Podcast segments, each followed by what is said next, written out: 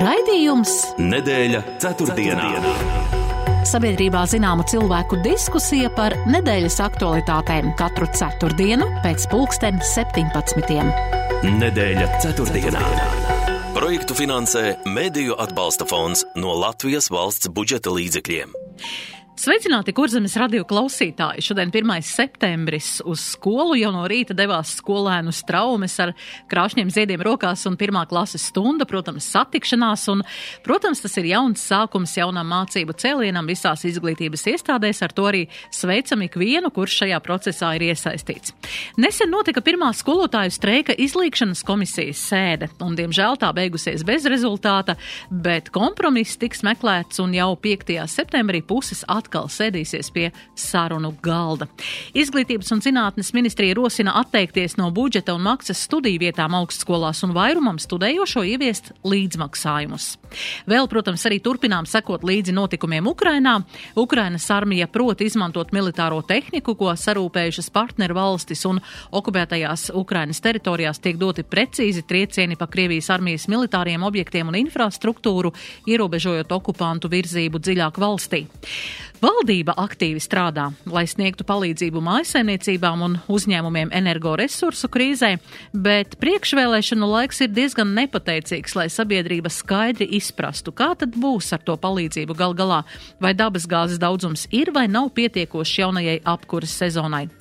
Aktuāls, protams, arī valsts aizsardzības jautājums. Dažādi mēdījos atspoguļota aizsardzības ministrijas parlamentārās sekretāres Baibas Bļodnieces sarunā ar Ukrainas prezidenta biroja padomnieku Oli Aleksiju Arestoviču. Sabiedrība uztvērusi virsrakstos pausto, ka Latvijai noteikti jāgatavojas karam. Un vēl Rīgā turpinās arī uzvaras parka sakārtošanas darbi, pēc okupācijas pieminekļa aizvākšanas un tiek izteiktas dažādas idejas, ko šajā vietā ierīkot, lai teritorija būtu gan sakārtota, gan arī funkcionāla. Šodien sarunāšos ar raidījuma viesiem, un tie ir aizsardzības ministrijas parlamentārā sekretāre Baiba Bļodniece. Labdien! Labdien! Un uzņēmējs arhitekts Edgars Zalāns. Labdien! Labdien! Un, protams, šodien ir 1. septembris, un tādēļ, lai iesāktu sarunu, tāds ievada jautājums ir, kāds ir jūsu 1. septembra tāds varbūt šobrīd spilgtākais piedzīvojums no jūsu nu, mācību laika? Jā, sākšu ar jums, Baiba. Lai man 1. septembris parasti asociējās, ka es, es pati Liepājā uh, augu visu 12 gadus, gāju Liepājas 6. vidusskolā. Un man liekas, ka vienmēr bija tas tā rudenīgā sajūta, jo ejot uh, no manas mājas līdz līdz skolai mums bija jāiet gar tiem krūmiem, un es aizmirsu, kā sauc tos krūmus ar tām mazajām baltajām odziņām, ko, ko parasti bērniem patīk iet pa ielu un spridzināt un kāpt virsū. Man tā ir asociācija tāda, kad ir iestājies tas rudens, un visi iet uz to skolu un, un, un sagaidīt tos klases biedrus, un vienlaikus tāds liels satraukums, jo tomēr nu, atkal kaut kas jauns un nezināms. Un tad es šodien, kad biju uh, Limbažu, uh, Limbažu uh, vidusskolā, uh, uh, un, un man bija iespēja uzrunāt arī tos skolniekus, tad es teicu, viena lieta, kas man liekas, ir kaut kā mums iesakņojusi, ka mēs sakam tiem bērniem, ka jums tur jāiet uz skolu, jums jāgūst zināšanas, jo pēc tam jums būs tā lielā dzīve priekšā. Un es viņiem teicu, mīļie, nav nekāda dzīve pirms un pēc skolas. Tā viss ir jūsu dzīve. Es novēlu visiem, lai viņiem ir tiešām iedvesmojoši skolotāji, lai tiešām tie skolotāji ne tikai ir, bet ir iedvesmojoši līderi viņiem, lai viņiem ir prieks tajā vidē uzturēties un principā, lai viņi bauda to skolas laiku, lai netver to kā tādu nastu, kas ir jānes. Un tā, man liekas, ir tāda liela mūsu atbildība bērniem to vidi tādu arī radīt. Jā, paldies, Baiba. Edgars, kāds ir jūsu spilgtākais 1. septembris jums atmiņā? Jā, nu, labs jautājums. Nezinu, kādu atbildi lai pasaktu, bet es teiktu tā, ka man liekas, ka man tas, pār, nu, tas faktiski jāsākumā jautājums par piedzīvojumu. Tie skolas gados nekas nebija tāds, varbūt, kas kaut kā ar ko es, ats, ko es tā kā atcerētos, bet tāda, kad es jau 2001. no 1. līdz 2007. gadam bija pilsētas mērs, bija tāds periods manā dzīvē. Tad gan man tā atgriešanās gimnājā jau nu, kā, kā nu, pāris reizes biju tieši uz 1. septembra, tieši gimnājā, pirmajā gimnājā, plūdeņa gimnājā, manā laikā, pirmā vidusskolā. Tad gan man bija tādas tā kā, citas pilnīgi sajūtas un ļoti atšķirīgas. Tad, kad tu tā, tā kā esi atbildīgs par to, kā tā skola tiek finansēta, un tur visiem ir kaut kādas prasības, jā, un tur jādara tās. Un, Un tad tās 1. septembris gandrīz bija tāds emocionālāks daudz, tā atbildība, ar kur tu gāji uz to skolu un satiksi savus bijušos pasniedzējus, skolotājus un direktoru un viss, nu, tas kaut kā man liekas man ir, nu, pirmkārt, tas ir nesenāk nekā es biju skolā, daudz gadus. Ja. Bet, bet arī kopumā man liekas, ka tie brīži bija tādi kaut kādi satraucošāki. Pateikt bērniem, kas tikko atnākuši kaut kāds labs vārds un pedagogiem, un vēl apņemties kaut kādas saistības tam attiecīgajam budžeta gadam. Jā, nu, tās reizes man bija nozīmīgākas nekā tad, kad es kā tāds skolēns gāju uz skolu. Jā, var sakot, lielāks skolnieks jutāties nekā jā, skolā, esot skolas solā. Jā, nu, skaisti, jā, ka padalāties ar šādām emocijām, un es pieņemu, ka ne jums vienam atbildīgā amatā esot eh, kādu brīdi jāpēc skolas, kad jāatgriežas savā mācību iestādē, noteikti ir kaut kas līdzīgs, līdzīgs uh, izjūsts, īpaši, jā, jārūpējās par šīs skolas labklājību un, un skolas darbu un izdzīvošanu. Jā, jā ja turpinām runāt arī par izglītību, tad, uh, nu jā, šobrīd mēs, mēs zinām, ir skola sākusies un vis, vismaz līdz 19. septembrim viss būs kā, nu, kā mēs varētu paredzēt, bet kas būs pēc 19. septembra, mēs nezinām, jo 19. septembrī varā, varētu iesākties arī vispārējais streiks. Bet nu, 5. septembrī vēl būs šī izlīkšanas komisijas, satiksies šīs te puses arotbiedrība un izglītības zinātnes ministrija. Kā jums šķiet vispār šajā laikā, tā kā um, iesaistīties streikā, beztermiņa streikā, vienkārši pieprasot gan, uh, mēs zinām, ir vēlēšanu tuvums, ir um, budžeta pieņemšanas tuvums, ir um, krīzes tuvums un, un viss pārējais, un vispār situācija ir diezgan tāda uh, viegli, uh, viegli uzliesmojoša daudzās jomās. Um, cik atbildīgi šodien ir pieņemt skolotājiem lēmumu streikot? Sākšu Edgar ar jums šoreiz. Nu, jautājums vienmēr ir, nav, nav pieklājīgi, bet varētu uzdot tādu pretjautājumu. Cik atbildīgi no valdības puses ir nepildīts solījums daudz gadu mm. garumā? Jā? Mm. Es te negribu teikt, ka es esmu kaut kā īpaši skolotāju pusē, jo nu, īsti, kaut kāds streiks vai kaut kas streikam līdzīgs ir nu, katru gadu. Jā? Un, uh, man tā vismaz ir, es esmu sen prom no politikas, bet nu, cik es tā vēroju, man liekas, ka tā ir. Uh, Un, protams, ka no tāda skolotāja viedokļa droši vien, es nezinu, cik tas ir slēpts vai kaut kāds cits motīvs, bet nu, tas pirmsvēlēšana laiks laikam ir tas, kurā tad nu, kaut ko var izspiest no tiem, no tiem partijām, kas grib palikt valdībā, acīm redzot. Varbūt es esmu naivs, bet nu, man liekas, ka tas ir kaut kāds tāds fons tur tam visam ir. Un, un, un, un jā, nu, nu, problēma ir sasāpējusi. Nu, kaut kad tas viss tā kā, tā, tas tā kāds vulkāns, jā, nu, visu laiku viss viņam blakus dzīvo. Un kaut kad viņš tur izšauja pelnus, kaut kad ir lava, bet tā viņš jau nekur nepazūd. Man liekas, tā pedagoģa problēma saistībā ar visu budžetu un visu, un visu to, kas tagad būs apkurs. Labi, kuldīdznieki varbūt nav tik ļoti jāuztraucas, jo kuldīga apkurs tagad neso pieaugumu tādu kā trīs reizes kā te piņķos un vēl kaut kur citur. Bet tie skolotāji arī, nu, acīm redzot, ir pietiekami daudz materiālās problēmas, kas viņi sajūt, ka tas nav risināts. Viņiem tā kā liekas, ka šis ir tas brīdis, kad to darīt. Nevis domāt par to, kāda ir atbildība viņa šādu streiku, piemēram, uzņemoties šajā brīdī. Jo tā pasaules situācija jau viņa sen tāda ir. Ja? Nu, viņa jau gada sākumā bija tāda pati. Tā kā sākās karš, bija jau skaidrs, ja pa lielam, ko, kāds būs rudens. Nu, Nu, nu, neviens pavasarī nestreikoja, tāpēc, ka mācību gads beigās, bet tā, kad nu beidzās, bet tā, ka mācību gads sākās, un tad viņi prāt ir īstais brīdis to darīt.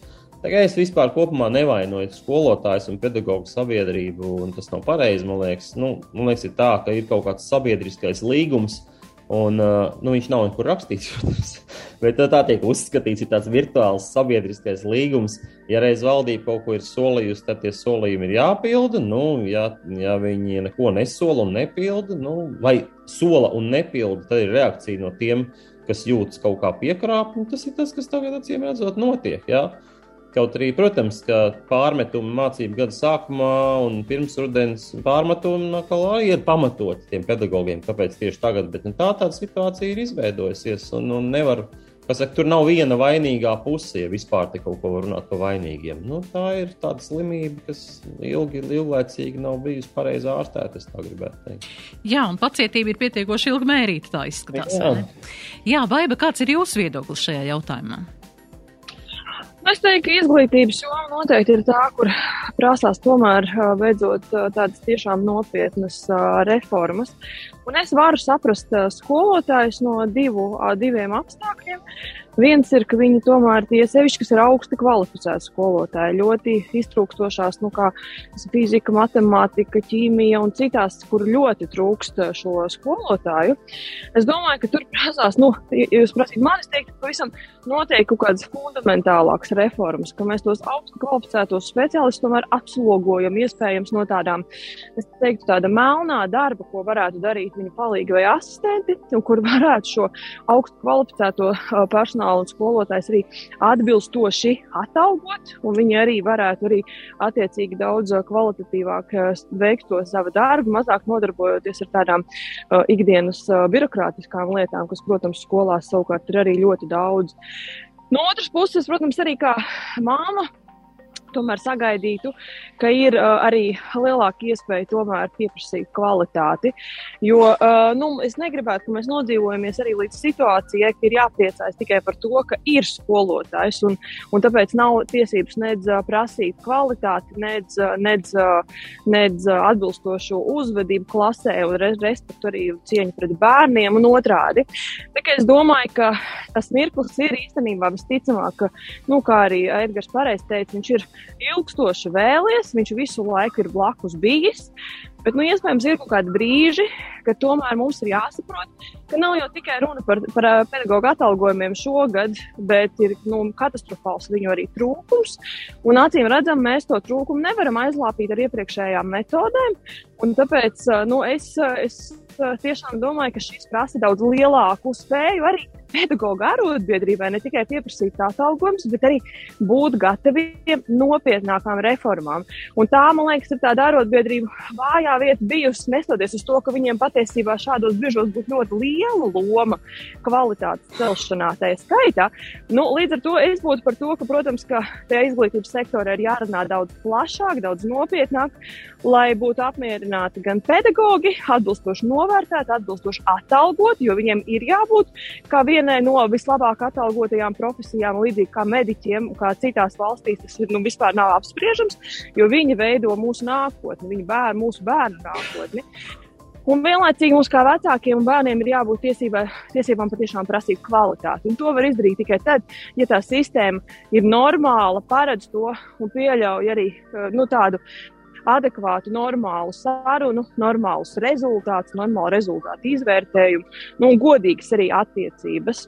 Tā kā es domāju, ka varbūt arī tas brīdis ir, ir pienācis, ka varbūt pat nav slikti, ka ir jauna saima, būs jauns uh, arī ministrs uh, vai ministre, un, un tad varbūt arī ar tādu pavisam jaunu uh, kaut kādu pieeju mēģināt tomēr to problēmu ilgstoši nerisināt, to tomēr kaut kā varbūt fundamentālāk skatīt. Jā, nu katrā ziņā no nozares, eh, es domāju, un arotbiedrības un arī pašas nozares ir uh, nu, diezgan liels spiediens šobrīd arī uz ministriju, un kad, nu, noteikti, es domāju, ka tur bez kādas rīcības diez vai kaut kas varētu arī mainīties. Jā, mums ir laiks pienācis pirmajai reklāmu pauzītē, un pēc tam turpināsim. Nedēļa ceturtdienā. ceturtdienā. Sveiks, kaimiņ! Klausies, kā dzēnis kaļ kokus? Es jau pats arī kaļu. Kaļu plānus, ko iesākt ar mežu. Varu pateikt priekšā. Latvijas finieris iepērk cirsmas, meža īpašumus un finieru klučus. Latvijas finieris? Jā, tas ir uzticams un atbildīgs Latvijas uzņēmums, kas ražo vērtīgus saplākšņa produktus, ko pazīst visā pasaulē. Un izdevīgi būs arī man? Nu jā, Latvijas finieris piešķirs papildus vērtību taviem finieru klučiem, reizē garantējot ātru apmaksu un labu cenu. Ātru apmaksu un labu cenu? Jā, uzzini vairāk finierklucis.lv. Nedēļa ceturtdienā.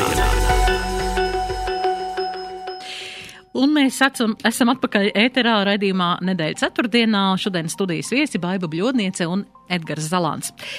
Jā, 1. septembris tātad mācību gads sācies un mācās ne tikai mazi bērni un vidēji bērni vecuma, bet arī studenti, protams, un, un šajās dienās, jā, studentu um, apvienība, Latvijas studentu apvienība tikās ar aizsardzības ministru Ārti Pabriku, lai izklāstītu savu redzējumu par to, vai studējušam jaunietim būtu um, labi un vai vajadzētu viņus tā kā iesaukt šajām valsts aizsardzības dienestā.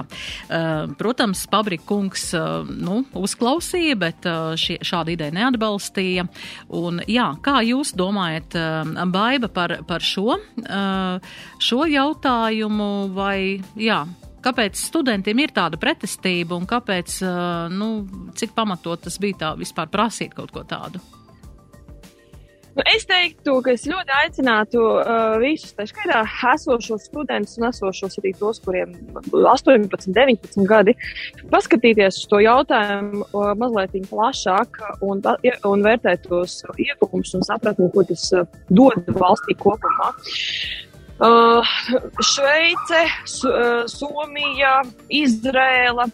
Patiesībā tās ir valsts, kurās uh, visi šie jaunieši pēc uh, skolas uh, iet valsts aizsardzības dienestā, vai nu tas ir militārais dienests vai civilais dienests, izvēloties to dienestu kādā medicīnas vai, vai sociālajā vai, vai, vai ugunsdzēsēju uh, jomā, tas, tas viss ir, ir, ir pieejams. Bet principā parasti tas notiek pēc vidusskolas, kas arī ir pareizi, jo uh, principā mēs zinām arī ļoti daudz, kas beidz vidusskolu, vēl īsti nezina, ko viņi īsti gribētu studēt, kur viņi gribētu studēt, tur ņem kādus brīvos gadus, ir pārdomās un tam līdzīgi. Un šis ir tas īstais mīlestības mirklis, kad visās valstīs, kurās ir šis dienests, un tādas ir vairuma valsts, nu, tiek šis obligātais dienests iziet.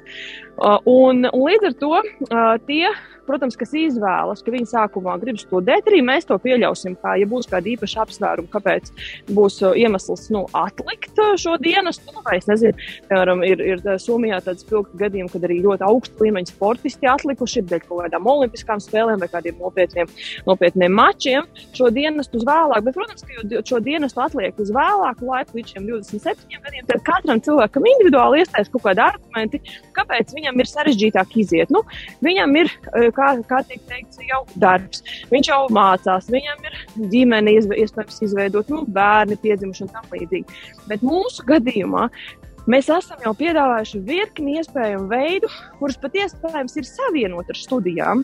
Ir iespējams stāties, uh, iziet šo dienestu caur zemesardzi, vasaras brīvlaikos, ejot zemesardzes dienestā.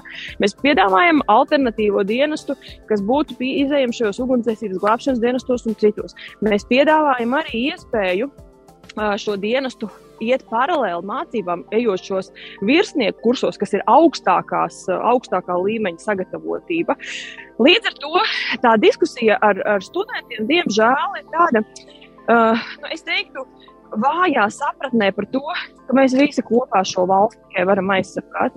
Un mēs negribam ieviest tiešām tos, kas bija 90. gados, ja tu esi aizgājis studēt augstskolā, tad tu esi izņēmums un uz tevi neatiecas nekādas militārās prasības, nekādas pienākums pret valsti un spēja sargāt valsti. Tāpēc es, protams, tādā ziņā saprotu, ka iespējams, ka labāk tā saruna būtu izvērtusies tad, ko mēs arī patiesībā drīzumā, ceru, mums izdosies norganizēt. Ja studenti sarunātos ar studentiem tādiem pašiem, kas ir šajās citās valstīs, kur tas notiek, kur viņi redzētu tos ieguvumus, pienesumus, kas ir milzīgi viņiem personiski iegūti, tas ir nevis zaudēts gads, bet tas ir tieši pretēji. Milzīgs iegūms attīstībā, milzīgs iegūms perspektīvā ar kontaktiem un tam līdzīgi. Jo manās pieminētajās valstīs, kā Šveice, Somija, Izraela, nu galīgi mēs nevaram teikt, ka tie bērni, kas ir bijuši uh, un izauguši šajā valstīs, viņi kaut kādā ziņā būtu ekonomiski vai, vai kā savādāk apdalīti. Tieši pretēji tās ir ļoti bagātas valstis, un visi šie cilvēki individuāli arī ļoti uh, augstu arī pēc tam pašajā laikā attīstās. Tā kā tas ir jautājums, kā skatīties. Tāpēc es saprotu, ka studentiem liekas, ka nu, tie, kuriem ir, ir vairāk gadi, jau ir nu, neko vairs nesaprot no dzīves, no vismaz tās dzīves, ko viņi dzīvo. Tāpēc mēs gribētu šo sarunu izvērst arī, uh, lai tie studenti no tām citām valstīm, kur tas notiek, ar to savu pieredzi, zināšanām, atbildību dalītos. Jo, protams, mēs gribam, lai tas dienas būtu moderns un tāds, kas nevis bērniem atņem, bet tieši pretēji dod lielu ieguvumu. Jā. Paldies par, par jūsu viedokli. Jā, Edgar, kā jūs skatāties uz studējošu jaunieti, 18, 27 gadi, nu, jauns cilvēks, um, meklēt kaut kādus nu, iemeslus, tomēr nu, kaut kādā veidā izvairīties no šī valsts aizsardzības dienesta? Vai tas ir tā smuki pirmkārt un patriotiski vai kaut kā? Nu, ziniet, viss smuki un patriotiski. Tas te mainās dažādā. Saka, tas lineāls, viņam tie, tas centimetrs nav vienmēr vienāda garuma. Ja? Tur ir visādi, ja? kā saka, mēnē mainās mērogs, mainās globālās lietas. Un, un, un te acīm redzot, nu, kaut kā tomēr mūsdienu, mūsdienu jaunietim ir tāds termins. Ir, Nu, jāsaprot, kādā pasaulē mēs dzīvojam pēdējo, pēdējā gada laikā, ja? un, un tas tomēr būtiski ir mainījis, un tam būtu jāmaina arī attieksme. Nu, es uz to vispār skatos individuāli. Tad, pirmkārt, lai būtu skaidrs, man nav nekāda sakara ne ar valdību, ne ar aizsardzības ministru, ne, ne nu, kā baigai citādāk. Viņi jau arī pārstāv šo ministriju, tāpēc viņi ir, es ceru, radīs kāds risinājums. Man nu, bija labi, labi dzirdēt to, ko es dzirdēju, bet man nav, nav nekādas, kas saka, es te nepārstāvu nu, saka, tos, kas sauc kādā armijā.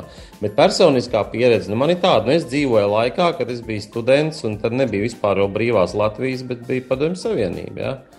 Un es kā students, mēs iestājāmies augstskolā, arhitekti, celtnieki, mums visus vienkārši aizsūtīja prom. Nu, rudenī paņēma armijā, un tie bija divi gadi, nevar to armiju salīdzināt ar to, es gribētu teikt, ļoti mīksto formātu, kuru šobrīd piedāvā arī tas, ko Baiba stāstīja. Jā, dažādas alternatīvas. Nebija toreiz ne alternatīvie dienas, nekas tev vienkārši bija jāiet un viss. Un, protams, tās toreiz bija daudz vairāk no kā baidīties. Bija daudz, nu, es nevaru, nu, nu saka, to monstru nevar salīdzināt ar to, manuprāt, ļoti civilizēto, moderno Latvijas faktiski armiju, ja tiem apstākļiem, kas te ir. Jā. Un, un tas, man liekas, kaut kā ir tāds divas lietas, kas ir kaut kā jāspēj salīdzināt. Ka, nu, manuprāt, nevajag baidīties vispār no Latvijas armijas. Varbūt tieši otrādi kaut ko tur var iegūt, ko tu citādā veidā nekad dzīvē neiegūsi. Plus, varbūt nemaz nebūs tajā armijā, bet būs ugunsdzēsējos vai tur alternatīva. Nu, kaut kā tā, ja, ja tik ļoti bail ir tieši no tās armijas. Man liekas, ka mums visiem jāsaprot, ja kaut kas ir no kā mums ir jābaidās, tad nevis no armijas, bet no vienas, vienas aptrakušas valsts vadītāja austrumos. Ja?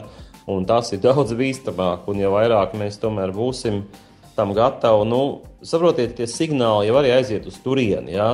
Nu, viņi var skatās, ah, nu tāda maziņa valstiņa, tur desmit tūkstoši. Ne, es nevaru, es ārpus visas tās pompāzās, polu, nu, viss, vis, kas tur notiek. Ja? viņi jau arī spiego un zina. Ja? Un ir viena, atti, viena, viena nu, tā ir tāda būtiska lieta, vai viņi domā par mums, ka mums ir tikai profesionāļa armija un pāris tūkstoši NATO karavīri, vai te kā saka, katrs būs gatavs paņemt ieroci rokā, ja? un, un, un, un varbūt tie ir simts tūkstoši cilvēki. Ja? Nē, nu es tā, nu, bet es gribu teikt, ka tam ir kaut kāda nozīme. Ja? Un viņi nav tikai tādi individuāli eh, cilvēku nozīme, bet, bet nu, viņi arī tajā starptautiskajā arēnā mēs esam. Vai mēs esam tādi tā kā Somija, vai mēs esam tādi tā kā nu, ne Somija, vai citas valsts, kur nav šī militārā dienas. Nu, tādā veidā, es domāju, mūs arī vērtē. Jo tā, labi, mēs runājam par nasams un vēl visu kaut ko, kas aizsargās pēc kaut kādiem gadiem, mūsu pilsētas jācer no raķetēm. Bet, eh, nu, man liekas, arī. Jau aizsargā, jau aizsargā. Jau, jau aizsargā, es jau ne ārpus. bet, bet, jā, bet, nu, bet, bet, jā, bet nu, viņi var arī vērtēt, kāda mēs esam. Jā? Nu, kāds ir tas mūsu ieguldījums visā tajā mūsu pašu aizsardzībā? Jā? Mēs jau neaizstāvam tas svešvalsts, mūsu pašu valsts aizstāvam. Jā? Nu, tā kaut kā. Es tikai domāju, ka tiem studentiem, kā izglītotai sabiedrības daļai, vajadzētu kaut kādos tādos aspektos tomēr domāt, uh, vairāk valstiskos nekā tādos ļoti subjektīvi individuālos. Bet, nu, kā būs, to jau izlems aizsardzības ministrija no valdības. Ja? Nu, tā. Jā, katrā ziņā, jā, es domāju arī, ka uh, tas pamatu pamats jau ir saprast, ko mēs aizsargājam savu ģimeni, savus, savu namu, savu, savus uh, draugus, savu zemi, uh, kas arī ne bez cīņas mums ir nākusi un, un tā viņi, pie, viņi mums piedara šobrīd, mēs viņu apdzīvojam, mums viņi ir jāsargā. Jā, uh, to mēs arī šobrīd redzam, kas notiek Ukrainā, cik ļoti liels ir nozīme liela šiem vietējam uh, patriotismam un, un šai, šai noskaņotai sabiedrībai aizstāvēt savu teritoriju līdz pēdējam.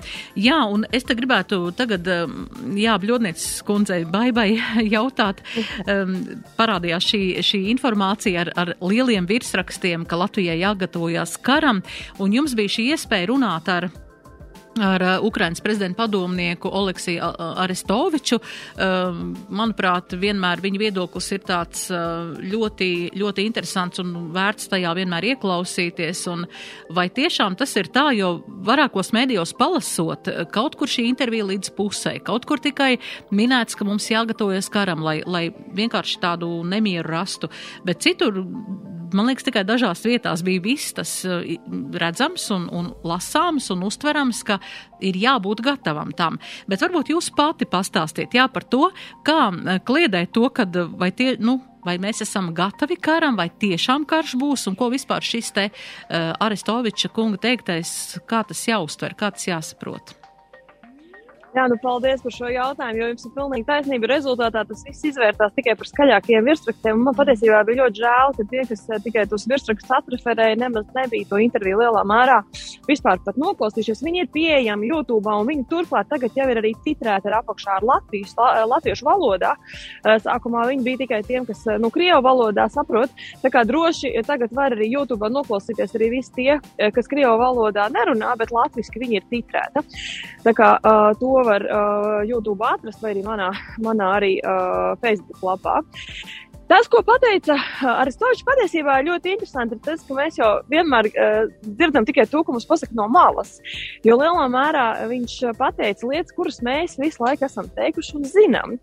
Uh, un, un tās lietas, tas, ko viņš teica, ka uh, mums ir jāgatavojas karam, uh, jo gatavāk mēs būsim karam, jo mazāk iespēja, ka karš būs. Jo Krievija, diemžēl, mūsu kaimiņos būs vienmēr. Un ar šādu pārliecību vienmēr ir dzīvojusi Somija. Tad, kad mēs skatāmies, ka Somijā ir bumbu patvērtnes visiem, tur gandrīz ja no 5,6 miljoniem Somijas iedzīvotāji, 4,5 miljoni ir, ir bumbu patvērtnes un lielākoties tieši zem viņu mājām apakšā. Vesela virkni citu lietu, eh, kas, eh, kur mēs eh, vienkārši esam dzīvojuši sajūtā, nu, ka karš nebūs. Tā ir aplama domāšana bijusi. Mēs redzam, skatoties uz Ukrajinu, ka tas ir nepareizi. Krievijai visu laiku, pēdējos simts gadus, ir bijušas imperialistiskas ambīcijas kaut kādas no savām kaimiņu valstu teritorijām sagrābt.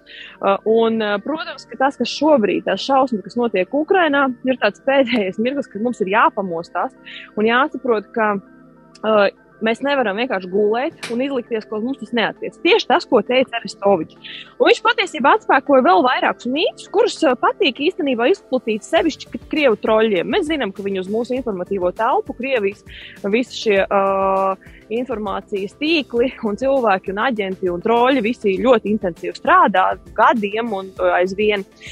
Nu, kas ir tie galvenie mīti? Galvenie mīti mums, protams, ko saka par Latviju, ir, ka nu, jums tur nav teritoriāla dziļums, kā Ukrainā, jums tur nebūs kur aizbēgt. Nu, patiesībā jau nemaz nav vērts to valsts sargāt, jo tāpat jūs visus tur ieņems. Tā ir viena lieta, kur mēs ļoti bieži redzam, kā uh, izplatītu mītu. Un ko teica Arestovičs, nu kā, jums taču viss ir. Jums ir, jums ir tāds dziļums, nemaz nav vajadzīgs. Jums ir Jums ir brīnišķīga, um, brīnišķīga zeme, kur ir daudz upes, kanāli, uh, ezeri un tam līdzīgi. Sevišķi Latvijas pusē viņi jau nemaz tik vienkārši pie jums nevar tikt. Jūs taču varat redzēt uz mūsu piemēra pamata, ka viņiem ir problēmas tikt pāri jebkādiem ūdeņiem, un tur viņus var viegli apturēt. Jums ir ļoti daudz cilvēku, nu, tur nav vajadzīgs arī, protams, ka jums ir profesionāla armija. Mums ir moderns bruņojums, moderns ekipējums, mums ir NATO karavīri šeit un, un NATO ekipējumi. Un, un, un galu galā viņš lika kā piemēru sumu apgabalu, kur patiesībā nosargāja pat bez ieročiem cilvēki. Uh, tur nu, viņu vietējie tie teritoriālie uh, spēki uh, kopā ar, ar medniekiem, ar partizāniem bija tie, kas no noturēja Krievijas armijas uzbrukumu tur, un arī vēl vairāk viņas pat atgrūda atpakaļ. Tā kā virkne to lietu, kuru mums gribās domāt par, savu, par sevi, kas vispār, nu, mēs, protams, zinām, gan aizsardzības ministrijā, gan bruņoties spēkos, ir virkne lietu, protams, kas mums vēl iztrūks. Mēs to zinām. Mēs zinām, ka mums vēl nav uh, pretgaisa aizsardzības sistēmas. Labi, Spāņi tagad ir atveduši pie mums, nolikuši lielvārdē šīs nasamas sistēmas, kuras mūsu daļai mūsu gaisa telpu jau sargā. Protams, ka mums ir, ir, ir citas uh, sistēmas, kur mēs esam arī tā skaitā stingeri un citas, kas mums ir. Mums ir virkne lietu, kuras mums nav. Bet mums zinām, ka mēs viņus, mums viņus iztrūkst. Bet tas, ko teica Arestovičs, ka pat šobrīd jūs varat mierīgi trīs nedēļas ar visu to, kas jums ir, trīs nedēļas jūs varat mierīgi noturēties paši vispār. Ne, nekā, kā mēs zinām, Krievijai uh, ir plāns vienmēr iebrukt uh, trīs dienās, kā mēs redzam. Un Ukrainas piemēra, tad Krievija ir iespējams apturēt. Tas ir tas, ko pateica Arestovičs. Baiba, ma, ma, maz, maz brītiņa baiba mums ir maza reklāmas pauzīte, un mēs turpināsim labi pie šī te, ko, var sakot, mums ir, ka mēs varam noturēt šīs trīs nedēļas, jā, un, un ko Arestoviča kungs redz, kas mums ir šie plusi, un tad turpināsim pēc reklāmas pauzītes nelielas. Sabiedrībā zināma cilvēku diskusija par nedēļas aktualitātēm. Nedēļa ceturtdienā. ceturtdienā. Apvienotais saraksts, Latvijas Zaļā partija, Latvijas Reģiona apvienība un Liepājas partija aicina uz tikšanos ar premjera amata kandidātu Uldi Pīlēnu, kurzemes saraksta līderi Māri Kučinski un citiem deputāta amata kandidātiem piekdien, 26. augustā Vēnspilī no 15.15 .15 līdz 17. pārventā pie Strūklakas kāpu priede un laikā no 18. līdz 21. pasākuma vakara pastaiga ventiņu būšana norises vietā. Apmaksā apvienotais saraksts Latvijas Zaļā partija, Latvijas Reģiona apvienība un Liepājas partija. Mirkļa pirkas loterija Tirzniecības centros Tobago, Ostmala un Vivo centrs. Līdz 2. septembrim iepērcies kādā no tirzniecības centriem vismaz 20 eiro vērtībā. Reģistrē pirkuma čeku loterijas mājaslapā Mirkļa pirka LV un laimē tirzniecības centru dāvanu karti 100 vai 50 eiro vērtībā. Tiekamies tirzniecības centros Tobago, Ostmala un Vivo centrs. Loterijas noteikumi Mirkļa pirka LV. Loterijas atļaujas numurs 7376. Kur citi saskata rutīnu, tu saskati iespējas. Reģistrējies studijām Liepājā, biznesa augstskolā turība, finanses un grāmatvedība, mārketings un tirzniecība un tiesību zinātnes. Lai ko tu izvēlētos, turībā tu iegūsi arī biznesa domāšanu. Tu iemācīsies saskatīt iespējas tur, kur citi tās neredz. Un studiju maksa tāda, par ko rīznieki var tikai sapņot - 435 eiro semestrī. Noslēdz studiju līgumu līdz 3. septembrim. Turība LV! Nedēļa ceturtdienā. Un turpinām raidījumu nedēļas ceturtdienā Baiba Bļotniece un Edgars Zalants. Jā, Baiba, varbūt jā, turpiniet no tās vietas, tā tad jā, Arestovičs kungs tā tad atklāja mums, kā viņš redz mūsu šo te uh, situāciju, salīdzinot jau ar to, kas pie viņiem ir noticis, un uh, tā tad jā, turpiniet. Nu jā, nu, protams, protams, viņš teica, ka mēs, protams, esam neslīdzinām līdz ar to gatavāki jebkam šādam, bet, protams, ka vienlaicīgi uh, nu, viņš dalījās arī ar, protams, ar to, kam Ukraina nebija gatava un kam, protams, arī mums ir kaut kādas virkni lietu, kas ir ļoti daudz darāmo lietu, kurām mēs arī aizvien, kur mums ir daudz darāmā un, un daudz, ko, nu, daudz, daudz laika vēl arī šobrīd, uh, kamēr viss Krievijas armija ir, uh, ir koncentrēta pie Ukrainas robežām, mums ir laiks, kāpēc mums arī ir jāstrādā un kāpēc mums nav laika gulēt uz, uz, un domāt, ka mums te nekas nevar notikt. Un, un tas ir tas, ko viņš mēģināja nodot, ka jums ir jādomā, pilnībā jāmaina tā domāšana no tā, ka uh, karš nekad nebūs, kāda mums visus pēdējos gadus bija, uz domāšanu, ka, uh, ka uh, ir iespējams, ka karš var būt. Un jo vairāk jūs tādā veidā domāsiet, jūs gatavāki viņam būsiet. Jūs sagatavosiet armiju, cilvēkus, um, sekt medicīnas sektoru un citus. Un tajā brīdī, kad jū, jūs esat gatavi, tad tajā brīdī uh, tādai Krievijas armija saprot, ka viņi ir gatavi, viņi ir stipri. Mēs iespējams viņus ne, nevarēsim, uh, nevarēsim iekrot. Tad tajā brīdī uh, jūs nemaz varbūt nemēģināt, uh, nu, ne, ne, nemēģināsiet. Uz to balstās viss tā aizsardzības doma, ka padarīt Latviju tik stipru, lai pie mums neviens ne, nemaz nedomātu, negribētu nākt pamēģināt, bet pie tā mums ir jāstrādā. Tas ir tas, ko Arestovičs teica. Līdzīgi kā es teicu, kā ir dzīvojuši Somi pēdējos 70 gadus, ar sajūtu, ka viņiem var nākties atkal ar Krieviju karot. Un, un, un tā ir būvēta Somijas aizsardzības sistēma, šī visaptvarošā valsts aizsardzības sistēma, kur katrs cilvēks saprot lomu, ko tajā brīdī darīt. Ja gadījumā kaut kas notiek, kā viņš var palīdzēt armijai, kā viņš var palīdzēt valstī, lai nosargātu viņu un, un kopā to valsti arī uh, valsts nu, uh, varētu spētu aizsargāt. Tas ir tas, ko stāstīja Aristovičs. Patiesībā visas šīs lietas, par ko mēs gan esam runājuši, gan domājuši, gan arī stāv, stā, daudz stāstījuši, Protams, ka mēs šobrīd Ukraiņas pieredzi mums ir jāsmeļ ar karotēm, jo mēs redzam, cik drausmīgi nežēlīgs ir karš, kur izvērš Krievija. Tieši tā skaitā pret civiliedzīvotājiem, izmantojot civiliedzīvotājus un viņu terorizēšanu un bombardēšanu no gaisa kā līdzekli un kara taktiku. Uh, nu, kādu mēs ka patiesībā pirmais pasaules karš būtu uh, tas, kādu mēs nu, vēstures grāmatās redzam, to, kas tagad notiek Ukrajinā, un domājam, ka nekad nekas tāds neatkārtosies tas, eh, tā domāšana ir jāmaina. Nu, tas ir tas, ko viņš saka. Jā, paldies par šo ieskatu. Man patīk arī viens teikums no viņa eh, teiktā, ka viņš alaži saka, ka virsnieks, kurš netic, ka sāksies karš, vairs nevar dienai tālāk. Viņam ir vienkārši jāatvaļinās, jo visa valsts pārvaldes būvēšana jāveic vadoties no šīs domas, ka karš noteikti var būt. Jā, paldies, Baiba. Jā, jums par, vai Edgar, jūs varat kaut ko piebilst, vai jums arī nācās lasīt, vai jūs piesaistījušies virsraksts, ka karš, ka Latvijai jāgatavojas karam? Nē, es, es vienkārši ar Stoiču tā kā katru vakaru klausos, bet šo interviju es nenoklausījos. Man, man, jo man likās, ka nu, skaidrs apmēram, ko viņš saka. Ja, jo, Jo, jo, jo baigi vispār īsumā atstāstīja, apmēram, jā. Bet tā ziņa bija svarīga tiem, kas varbūt vispār nezina, kas ir Aristovičs, jā, un nedzird, neklausās viņu, jā. Arī tas virsraksts vien jau varbūt likt par kaut ko padomāt, tāpēc, ka, nu, nu labi, Aristovičs uzskata par tādu, nu, daži viņi, kas saka, ceļ citi peļi, jā.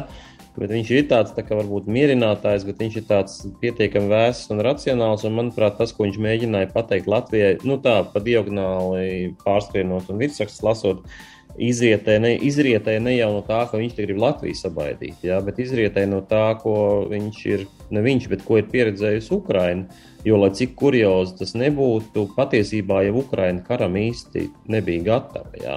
Nu, ņemot vērā to, vispār, cik 30 gados tika noplicināts īstenībā nenormāli lielais Ukraiņas vispār armijas potenciāls. Labi, tur bija daudz lietas, viņi pārgāja uz NATO, nu, kas saka, uz rietumniecisku kara spēku vadību un uz visu kaut ko citu. Tur daudz kas labs ir noticis, bet tajā resursu ziņā Ukraiņa jau ir nenormāli noplicināta. Pati nav daudz kā atteikusies dēļ dažādiem līgumiem 90. gados, jā, nu, tur nebija cits izējas, bet arī pat vēl pēdējos gados, jā, nu īsti viņi jau neticēja. Nu, līdz, nu, saka, pat, ja, pat ja vadība tur šaurā lokā ticēja, tad kopumā sabiedrība to neuztver nopietni.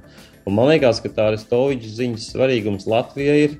Nu, ziniet, ko esiet nopietni izturieties pret šo. Jo viens, labi, viens ir lietas, ko, kas ir, ko dara aizsardzības ministrija un tā, bet Nu, on, ja mēs runājam par, par, par uh, arī Baiļu ļoti labi piemēram minēja par, par Somiju, par tām bumbu patvērtnēm, bet Šveici, kur cik gadsimts jau nav karojusi, tur taču zem katras mājas ir obligāti bumbu patvērtne. Nu, tātad tas jau nav tikai. Tas jau nav tikai uh, automāts, ja katram mājā, kā ir Šveicē, tur jā, nu, Somijā laikam nav. Bet, uh, bet tas ir stāsts arī vispār, kā tu pielāgo savu standartu, savu dzīvesveidu un vispār, ka tev ir kaut kāda rezerve, ka tu tā kā domā, nu, kā tu domā, ka tu, kā tas būs, nu, tas, tas, tas caurstrāvo. Nav jau vajadzīgs tas, kas tur bija tās smieklīgās militārās apmācības manā vēl skolas laikā, ja, kad tur, kur tur tik nemācīja. Ja. Nu, labi, bet, bet, bet patiesībā tas viss bija tāds zināms, ja varētu teikt, fakes, ja, jo, jo nebija jau arī toreiz ne tās bumbu patvērtnes, ja kas, nu, neskatoties to, ka pārtām bumbām runāja caurām dienām, ja tur Bet mēs redzam, kas notiek Ukrajinā. Tur jau nav no kodolieroču, nu, paldies Dievam, tur nav kodolieroču bumbošana, bet nu, tas arī tās visas raķetes, kuras balsas kā mm, spārnotās un tā tālāk. Nu, viņas glāba cilvēku dzīvību, var glābt cilvēku dzīvības, būt glābts, ja tur būtu zem ēkām reāls bumbu patvērtnes, kurā var paslēpties, tad, kad sākās gaisa trauksme. Un arī tas, ko es tagad saku, neizklausās ļoti reāli pie mums Latvijā, ja? bet Ukrainā tas ir katra diena, ja? un ļoti reāli.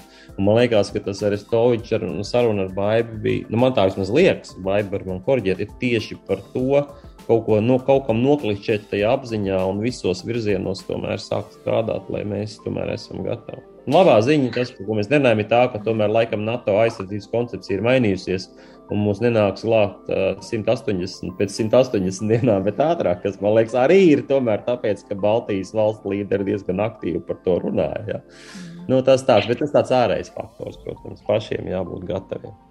Jā. Bet, ja var, ja var vienu pateikumu papildināt, tad, protams, es tiešām gribu arī, kā mūsu ministrs aizsardzības arts fabriks norādīja, Protams, šobrīd uh, nekāds karš mums nedraud. Tas skaidrs. Nav nevienam jābaidās, jo no nu, tuvākos uh, gadus, kā mēs redzam, pirmkārt, Krievijas armija ir aizņemta Ukrainā. Viņa ir noplicināta, un mēs ļoti ceram, ka Ukraina noplicinās tā, ka viņi nespēs vēl nākamos 20, 30 gadus atgūties.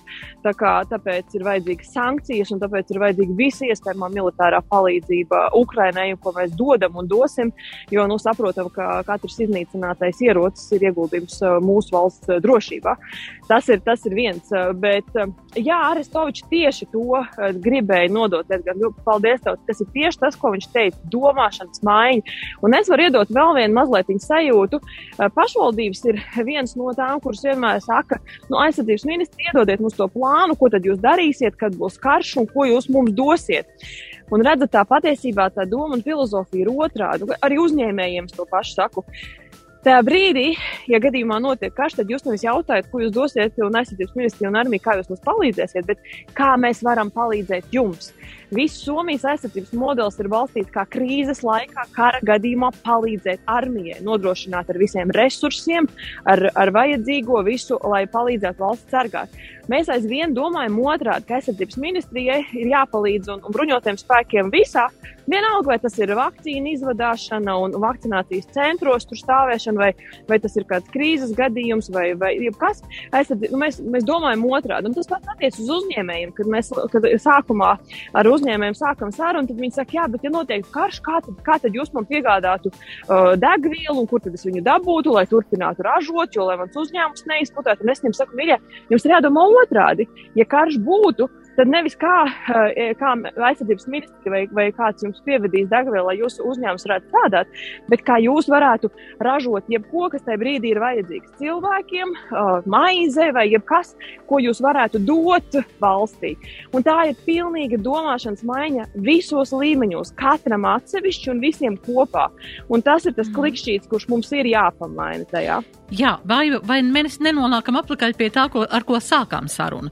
Ja būtu šo gadu laikā bija šī um, valsts aizsardzības dienests, kur patiesībā katrs jaunietis iegūst pamatzināšanas par valsts aizsardzību, uh, kaut vai pamata principus, ka viņš zina, kā uh, mājas, kā savu ģimeni aizsargāt māju, varbūt arī attīstot uzņēmē darbību, domāt uzreiz, vai tā domāšana nesākās tieši no šīs valsts aizsardzības dienesta? Es teiktu, gan, gan, protams, ka tas ir noteikti, ka, eh, noteikti tas, ir, tās, tas ir formāts, kur cilvēki, arī jaunieši, sāk domāt par savu zemi.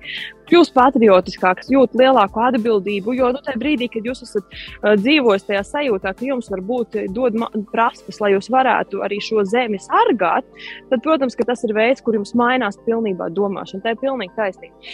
Otrs, protams, ka ja šo uh, tos. Uh, Es domāju, ka tajā brīdī, kad profesionālo uh, dienestu, obligāto militāro dienestu, padomu laika dienestu likvidēja, iespējams, ka, tā, uh, ka tas uh, bija pareizs solis tajā brīdī, jo tāpēc, tas ļāva mums izveidot ļoti kvalificētu, augstu profesionālo armiju, kas ir svarīgi, profesionālo dienestu, zemesardzi.